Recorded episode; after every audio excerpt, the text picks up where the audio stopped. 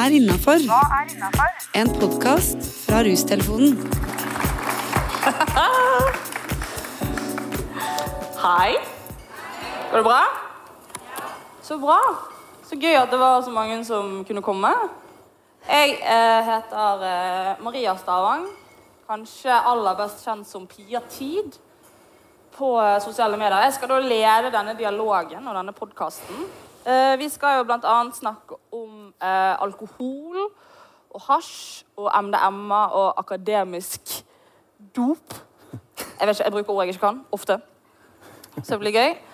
Men vi har også med oss eh, eh, folk her i dag, som er gøy. Her er jo Sturla fra Rustelefonen.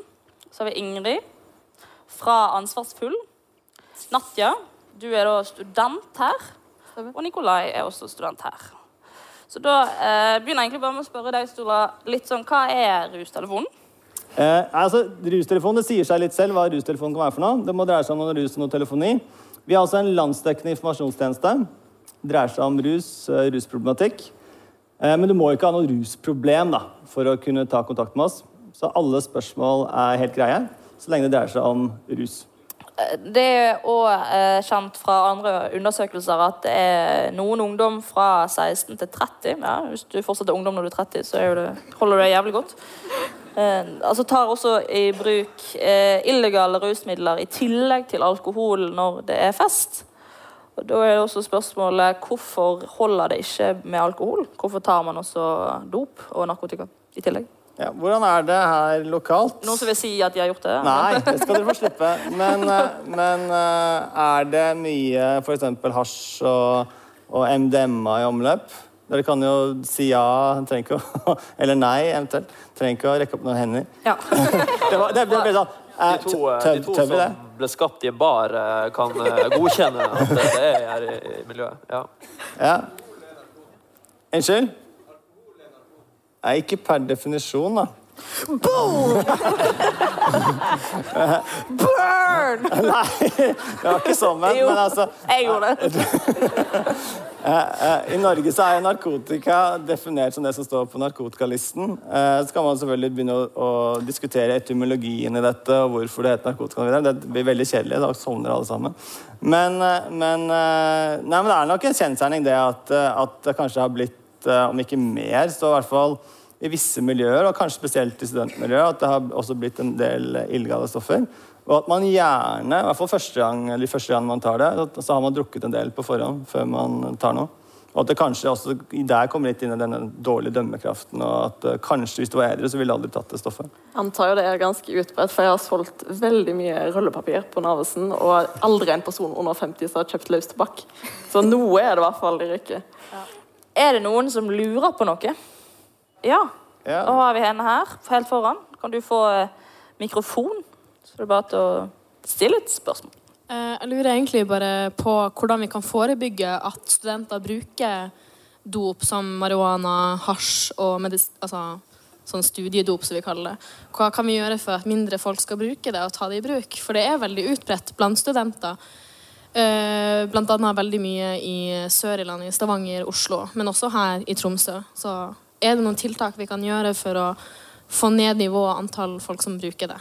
Ja, men ser, jeg ser litt på deg, du ser litt på meg. Men Ja. du, i hvert fall lokalt sett så tenker jeg at du uh, har mest å si. Altså, Forebygging det er jo vanskelig å på en måte av, altså, finne statistisk Eller hva heter det? Eh, det å undersøke at ja, det var det vi gjorde som gjorde at det fungerte. eh, dessverre. Men en av de tingene de har funnet ut, og som også når vi sier at ja, det er mye omløp eh, Jeg var på kurs i narkotika annet, hvor det var en fyr som da begynte å si at det er dritvanlig med hasj i miljøet nå. Det er liksom sånn alle gjør det. Uh, og så ble jeg litt sånn at Men unnskyld meg, jeg har på en måte tall. Nå var de riktignok fra 2014, nå kommer det snart 2018-tall.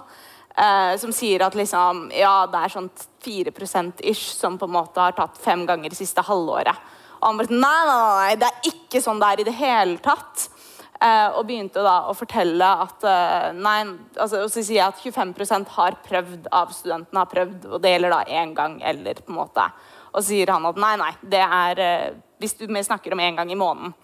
Og det er noe med Hvor er det vi på en måte henter faktaene våre fra? Da? Så det å på en måte snakke om at ja, det er vanlig, og ja, jeg kan gå rundt i Tromsø og kjenne eh, cannabislukt, men det er fortsatt sånn at vi tror at flere bruker enn det som faktisk på en måte statistikker videre viser. da.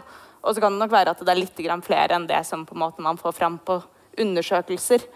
Men det å faktisk fortelle om at det er ikke så vanlig, eh, og det gjelder jo også alkohol at vi, Hver gang jeg spør studenter hvor ofte er det dere tror at folk drikker, så tror de veldig mye mer enn det som på en måte viser. det. Men er det ikke også litt sånn at folk tør å stå mer frem om det at de røyker også? At det blir Folk ja, står frem og normaliserer det litt, da. Ja. I forhold til hva det har vært før. eh, Ja. Ja, det er liksom er så- ja. Smoke the weed every Ja. day. Yolo er røyker hasj. Ikke sant? eh, Ja. Ja. Ja, men det er liksom at man skal tøffe seg, da. ja, eller bare gi faen. Gi faen. Nei, faen, jeg. Ta en joint og jeg, jeg, jeg, vet, jeg vet ikke. Jeg, jeg røyker ikke sjøl, så jeg, jeg har bodd med Potte, da. Så, uh, eh, og han jeg vet ikke, han var liksom, var litt sånn Visste ikke helt hvor han var i livet. Og så ble det bare litt Du er hjemme. Du er hjemme nå. Du er hjemme nå, ja. Nei, og så var nå det man holdt på. Slappe av og ja. Man blir jo veldig farget av det miljøet man er i. Så vil man et miljø hvor det røykes mye, så vil man tro at det er mer vanlig i det generelle samfunnet også.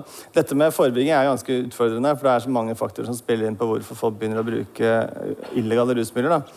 Eh, Men jeg tenker jo at, eh, at eh, selvfølgelig lover og regler har masse å si. Eh, Men også selvfølgelig dette med informasjon om at det kan være skadelig.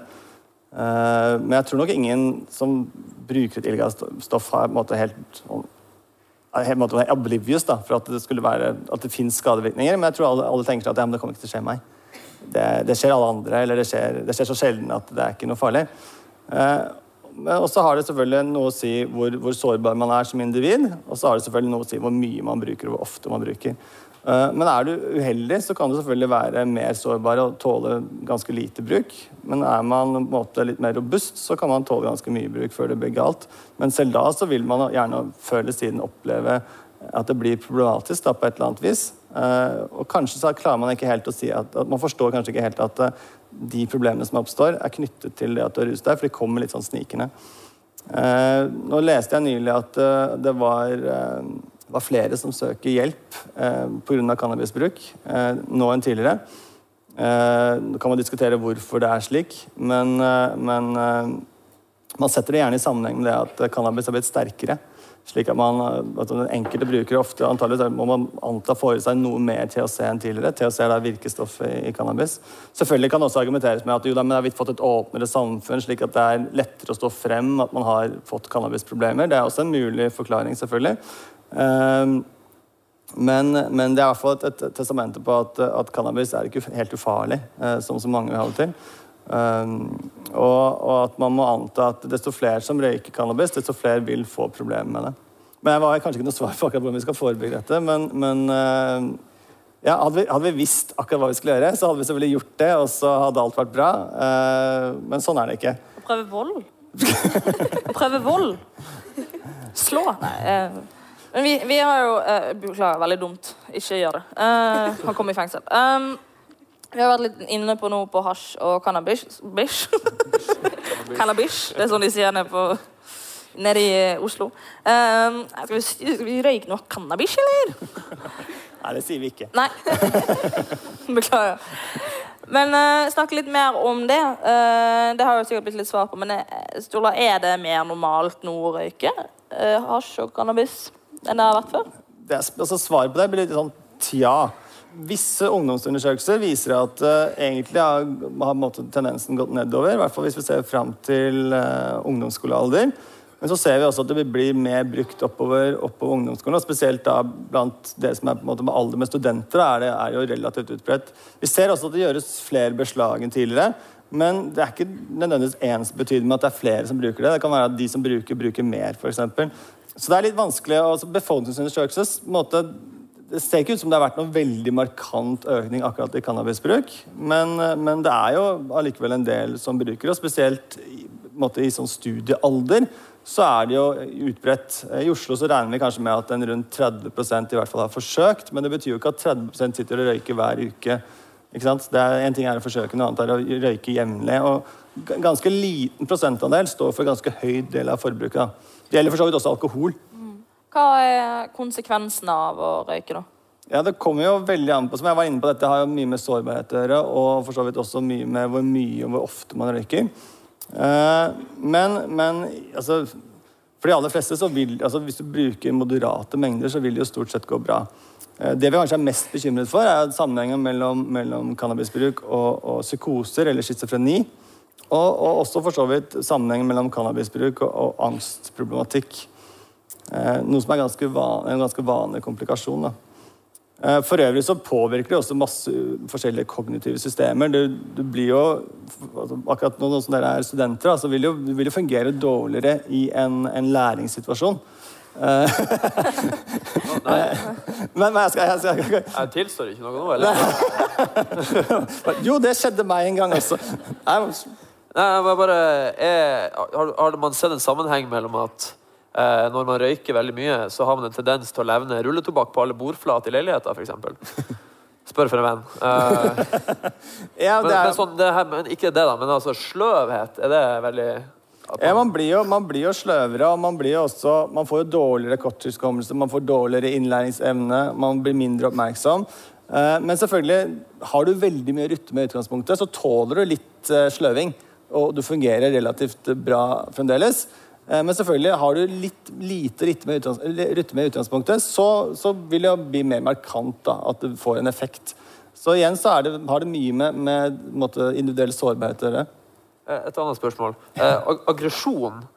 Eh, for det er mange som for sier at alkohol blir du voldelig av, mens cannabis blir du ikke. Eh, altså, hvordan er, ser man noen sammenheng der? Ja, altså eh, Begge stoffer gjør deg strengt satt mer impulsiv og kan sånn sett trigge, trigge aggressivitet.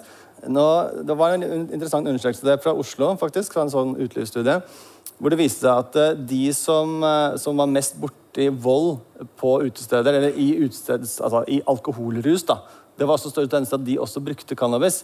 Eh, ikke nødvendigvis idet de var ute og var i en voldshandling, eksempel, men at, at det var en sammenheng også med cannabisbruk. Men selvfølgelig, der, der, kan det være masse andre bakenforliggende faktorer som gjør at eh, akkurat de menneskene er mer utsatt for å være i voldshendelser generelt. Og for øvrig, Det gjaldt både som offer og som utøver. Um, så det er, det er vanskelig å si at jo, dette skyldes at de brukte cannabis. Det kan jeg jo ikke si. Eh, men, men at det- jeg vil si at det er til dels en litt, litt myte at eh, man blir så veldig rolig av, av cannabis, men så blir man sånn veldig aggressiv av eh, alkohol. Men, men folk reagerer veldig forskjellig på disse stoffene. Eh, Noen blir aldri aggressive av alkohol, mens andre blir veldig trigga av alkohol. For eksempel, og kan fort, nesten burde holde seg helt unna. Eh, jeg, jeg tror jo at uh, hvis Jeg kommer jo fra et miljø hvor det er veldig lite dop, eller jeg opplever veldig lite hasj og cannabis. Eh, så for meg syns narkotika er litt sånn skummelt og farlig og sånn. Men ettersom man Ja, nå har ikke jeg studert noe, da, men jeg har jo en jobb hvor jeg har lov å drikke. Eh, jeg jobber jo eh, mye med standup og sånn, og der kan vi drikke på scenen. Men det er jo, der er jo da litt eh, andre gøye saker. Og man blir jo bekymret for folk som tar diverse. Jeg, altså, hvorfor er man bekymret for, for venner? Føler man liksom at med en gang man har tatt den jointen, så er det Nav next, liksom? Nei, jeg tror vel at den bekymringen munner ut i ikke nødvendigvis at man har tatt en og annen joint, men heller det at hvis det blir litt mer regelmessig Fordi man, man kan kanskje se eh, ting hos den vennen som ikke den vennen kanskje opp, oppdager selv. Da, for det kommer litt mer snikende, disse symptomene kommer litt mer snikende. Som at eh, vedkommende er i ferd med å måtte ta en, en sånn, litt sånn litt ut av, av livet slik som det egentlig var. Og, og, ja, fordi det kommer så snikende, så er det vanskelig kanskje at man som den som har problemene selv, innser at eh, spesielt at det helt tatt skjer noe, eller at det i hvert fall ikke at det skyldes cannabisbruken. At det kan bli mye verre enn det de tror. Altså, jeg har aldri hørt en historie som har begynt sånn Ja, kompis som røykte hasj, han ble millionær. Altså, Nei. Eh, nå, nå er det jo flere statsledere og, og diverse som, som innrømmer at de har brukt cannabis i ungdomstiden. Jeg tror ikke det var derfor de ble statsledere, men det betyr jo heller ikke at du må jeg heter Erna. Det betyr jo heller ikke at du må bli narkoman og ende i, i grøfta, liksom. Det er ikke slik det fungerer. Men igjen dette med individuell sårbarhet. da. Ja. Eh, Hvis du på en måte i utgangspunktet har mye rytme og du har mye ressurser, så tåler du mye mer. Men er du en som er på en måte litt ressurssvak i utgangspunktet og, og ikke har så mye å komme med, så, så vil den måte, ekstra belastningen som f.eks. cannabisbruk eh, legger på toppen av det, kan være det som er utslagsgivende for hvorvidt det går bra eller dårlig. Ja. Og så tenker jeg jo sånn, altså Som student også, det er jo på en måte blir jo sagt at det er en sårbar periode. Det med én av tre er nå ble, kom nettopp tall på at én av tre er ensomme. De tingene der også påvirker jo litt. Og det gjelder på en måte alkohol og alle rusmidler. jeg tenker at altså Man kan ha fin kontroll en periode, men så skjer det plutselig at det blir slutt med kjæresten, eller at en nær person dør, eller andre dramatiske ting i livet da, som man ikke kan kontrollere. Og da på en måte kan det jo fort bli eh, vanskeligere å beholde den kontrollen som man klarte før. Så Det er jo kanskje det jeg synes er mest ubehagelig med at jo, men jeg har så fin kontroll. Og så er det sånn, ja, men hva om? Eh, vi har jo vært litt inne på hasj og cannabis, men det finnes jo andre typer ting som eh, kommer opp i lyset. Eh, blant annet akademisk dop. Kan du forklare hva det er for noe, Ståle? Ja, det er jo da i all hovedsak sentralstimulerende midler som i små mengder kan fremme evnen til å konsentrere seg, eller evnen til å jobbe litt mer intenst over perioder, spesielt at du trenger mindre søvn, f.eks. Eh, det er også en del andre stoffer det er knyttet eh, mer sånn kanskje mytelignende ting om at det skal fungere som akademisk dop, men det vi har god dokumentasjon på, er at eh, diverse sentralstimulerende stoffer i små mengder vel å merke, kan fungere prestasjonsfremmende i akademiske sammenhenger. Men det er ikke slik at du kan ta det stoffet, og så bare slipper du å lese, og så bare seiler du gjennom eksamensperioden. Det er mer slik at, at det stoffet da i så fall gjør deg mer i stand til å tåle mer. Men det er liksom du på en måte fueler den skippertaksmetoden veldig. Da. Så hvis, jeg tror du får mye større utbytte hvis du er en student som leser trutt og jevnt, enn at du måtte pese på masse sentralstimulerende rett før eksamenstiden. Liksom. Eh, jeg vil ikke helt anbefale det. Tror du eh, det øker, eller det at folk tar det, øker eh, når de hører at det er den, på en måte, den lette måten å studere på? da? Litt sånn som lavkarbo. Hvis man skal sammenligne. Ja, altså jeg, jeg jo, altså jeg, Det er jo veldig studiepressblitt og et sånn prestasjonspress. og Jeg kan forstå at enkelte føler seg fristet av å ta snarveier. Eh, det er selvfølgelig også en etisk side av dette. Hvorfor skal da de enkelte som gjør dette, ha et måte, akademisk fortrinn da, framfor andre? Nå tror jeg heller ikke at det fortrinnet er så veldig stort. Eh, som jeg sier, så Det betyr jo ikke at du ikke lenger trenger å gjøre en innsats. Det betyr at du gjør innsatsen på en helt annen måte, kanskje mindre måte, forsvarlig måte. da. Og, og egentlig spesielt lite fornuftig måte. Jeg vil jo tro at du har mye mer utbytte av studiene hvis du er på en, måte, en student som gjør ting jevnt og trutt, og, og, ikke bare feste bort halvsemesteret, og så må, må pese på med, med, akademisk dop for å måtte klare å stå til eksamen. Hva er konsekvensen av å ta akademisk dop? Nei, er det altså- noen konsekvenser? Ja, det, det, er konsekvenser. Eh, dette er jo i hovedsak eh, medikamenter som brukes til helt andre ting. Eh, og alle medikamenter har bivirkninger. Eh, bruker man sånne typer sentralstimulerende stoffer over tid, så vil jo igjen ha problemer med f.eks. angst- og depresjonsproblematikk. Men igjen veldig knyttet til sårbarhet. Eh, noen tåler det ganske bra, mens andre, andre kan fort måtte havne mer på skråplanet. Dessuten er det jo slik at Man bruker ganske små mengder, og idet man bruker for store mengder av disse stoffene, så fungerer det helt mot sin hensikt igjen. Da blir man ikke noe bedre til større, blir man bare ukonsentrert og, og rotete. Eh, så man bruker jo veldig små mengder. Det er veldig sånn doseavhengig. Syns dere det er greit å bruke det? Jeg vet ikke om noen som har brukt det. da. Jeg har ikke møtt på det mine tre studieår her. Det, det, er for meg helt ukjent. Jeg har bare hørt at du kan ta det. Så kan du sitte oppe i 72 timer og skrive årvåkent. Og, altså, mer sånn myteomspunnende. Altså, de som tok det, de har jobb nå. Se på meg. Altså, det høres veldig bitter ut, men, eh, men eh, ja, du bare får høy intensitivitet over en kort periode men jeg har aldri hørt om noen som har sagt de har tatt det. eller nei. Jeg har hørt om mange som har tatt ADHD-medisin, og så Er det Ritalin? Ja, ikke? Ja, Ritalin og, og modafinil, for eksempel, eller met, altså metylfenidat og modafinil, er jo to av de, de stimulantene som bl.a. kan brukes som uh, akademisk dop. Uh, men egentlig så fungerer det alle stimulanter du kan på sett og vis kunne brukes, også amfetamin f.eks. Men, uh, men igjen da, så er det måte, jeg, jeg, føler jo at konsekvensene av dette ikke helt veier opp for det du kan tjene på. da. Så, så jeg kan måtte ikke se, jeg ser ikke helt hvor, hvor forlokkende det kan være. Jeg ser måtte ikke helt at, det- at eh, det har så mye for seg. Ja, eh, Oddbjørn, han fra Memo, som også var med på Norske Talenter eh, han, For de som kjenner han. Ja, altså vet dere, Jeg husker ikke etternavnet hans akkurat nå. Eh, men eh, han hadde debutuka som eh, foreleser i fjor. Eh, og da tenkte jeg jo ja, men der! Det! Husketeknikk osv. Altså, Huske-VM, der burde det jo være kjempebra å bruke dette. Så sier han nei, egentlig det ikke, blir ikke brukt. Og han trodde på en måte ikke det, fordi at disse husketeknikkene fungerte så mye bedre, da, eh, sa han. Um, så det er jo noe med det òg. Men Vi kan jo bare ta teste salen her. Eh, de av dere som vet om noen som har brukt akademisk dop, skrik ja nå. Ja, så det, er, jo- altså det var ikke veldig mange, men det var jo en del som sa ja. Så det er jo åpenbart noe som i hvert fall til en viss grad blir brukt. Jeg, jeg, måtte, jeg, det er ikke noen sånn vidunderkur. Og som, som jeg sier, du må jo fremdeles legge en innsats bak det. Uh, og jeg vil nå tro at, eh, at eh, på bivirkningene langt på vei eh, burde få folk til å ikke bruke dem. Vi skal også snakke litt om MDMA, som jeg nå senest forrige uke hørte vi mye varmt om eh, blant eh, noen venner. Eh, for det er jo noe som har kommet litt opp og fram det siste. Ja, absolutt. Ja, eh, Hva er MDMA? Nei, altså, hvis jeg skal være veldig teknisk, altså MDMA står for 3,4-metylendioksymetamfetamin. Men, Det må dere- alle huske. Ja.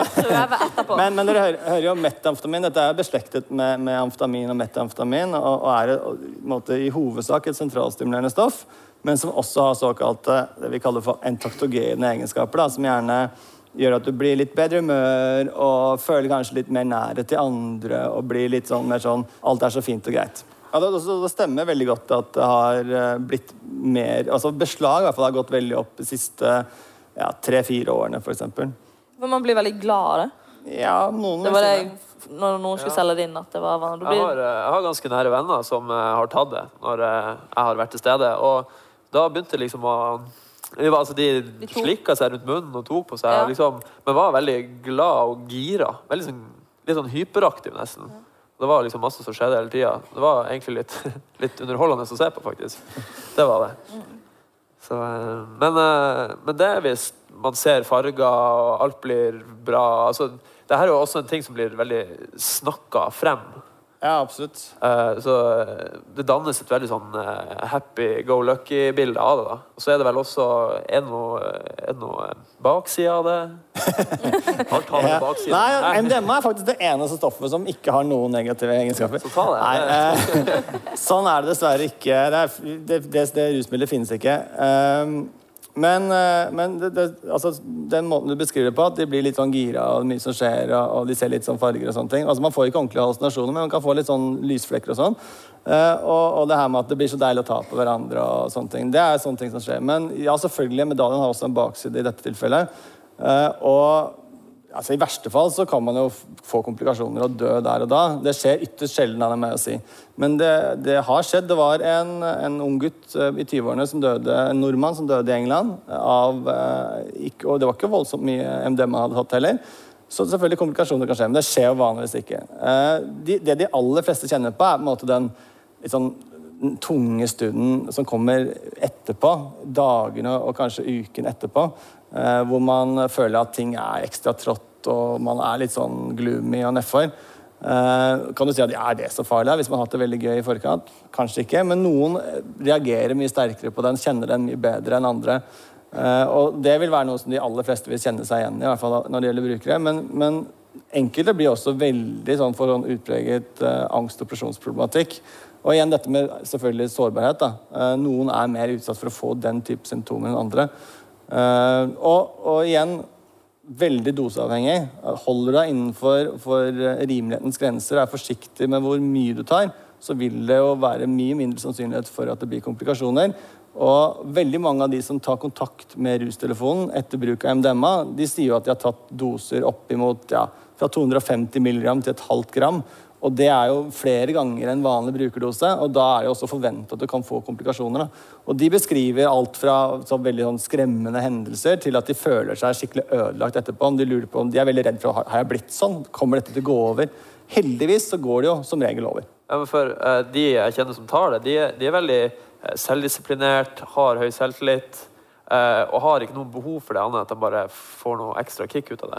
Eh, og ja, de, de har veldig sånn god kustus på å ta det, da, virker det som. At de, de går ikke inn ned, altså det blir ikke mer og mer. Det er ikke en sånn dominoeffekt på det. Nei, altså, der, der er det jo mange som er veldig sånn oppmerksom på at og de vet at hvis jeg tar dette ofte, så vil det føre til større problemer. Og at Man sier gjerne at man skal i hvert fall vente tre måneder mellom hver gang man tar det. Eh, Men det er på en måte ikke noe sånn garanti for at alt går bra, men, men da er det i hvert fall mindre sannsynlig for at du får mer av den der nedstemtheten og, og den effekten etterpå. For da får du måte, kroppen får litt tid til å hente seg inn igjen mellom hver gang. da. Eh, Men igjen, er du, er du på en måte spesielt sårbar, så kan det også være nok til at du bikker over. Men, men selvfølgelig, forhåndsregler med, med, både med tanke på hvor mye du tar hver gang, og hvor ofte du tar, har jo noe for seg. Eh, Jeg skulle gjerne snakket mer om, uh, om M-damer. Jeg synes det er kjempeinteressant. Spesielt fordi jeg har hørt så mye bra om det. At det er så positivt og bare gøy og sånn. Men det er jo selvfølgelig eh, konsekvenser bak det. Men vi har også eh, fått eh, et par innsendte spørsmål. Og jeg tenkte bare å starte med det første, som er logisk. Eh, jeg opplever at mange unge har legalisert hasj og marihuana, ofte med begrunnelsen at alkohol er langt farligere. Hvordan møte denne påstanden på en god måte? Ja, dette er jo en klassiker. eh, Den klassiske eh, 'Hvorfor er ikke cannabis lov når alkohol er lov?' Eh, og jeg er nærmest litt fristet til å snu det på hodet. Eh, hvorfor eh, er alkohol lov når vi vet at det ha, har så mange negative konsekvenser? Eh, og det at alkohol er lov, har jo ikke noe med stoff i seg selv å gjøre. Det har noe med kultur og tradisjoner. Eh, vi har forsøkt å ha forbud for alkohol også. Det begynner å bli vel 100 år siden nå. Eh, det gikk ikke så greit. Eh, Men det er jo åpenbart ikke det, det at stoffet er så ufarlig som gjør at alkohol er lovlig. Nå kan det sies altså at alkohol i kontrollerte mengder er noe som organismen eller mennesker takler relativt greit.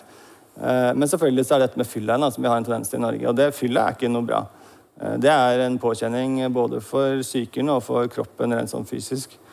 Eh, og så har du måte, Hvis man skal gå tilbake til cannabis igjen, da, så, så Cannabis i selv er jo også relativt lite farlig. Du skal veldig mye til at du dør av en cannabisoverdose. Eh, du kan dø av komplikasjoner knyttet til hjertekar, men, men det skjer også ytterst, ytterst sjelden. Eh, men så er det dette med, med måte, de egenskapene den har som, som er psykopatogene. Altså hvor lett det kan skape psykiske forstyrrelser eller psykiske problemer. Og, og der stiller jo cannabis i en slags særklasse. At den relativt enkelt og ved ganske lave inntak kan føre til, til ulike psykiske problemer. Men igjen, altså, alt dette koker ned til, til sårbarhet og, og hvor mye du tar av et stoff, hvor ofte du tar av et stoff. Eh, Det er ingen problemer med å bli avhengig av alkohol eller få store problemer også psykisk av å bruke nok alkohol. På lik linje at det er selvfølgelig heller ingen problemer med det samme når det gjelder cannabis. Så alt i alt så koker dette ned til kultur og tradisjoner eh, og, og hva politikerne bestemmer seg for. Der er jo vi nordmenn gode. på, eh, jeg er spesielt sånn vanskelig, eller opplevd at det er veldig vanskelig å stille på sosiale arrangementer uten at det skal være Altså det er så lett for å bare ta seg den ølen.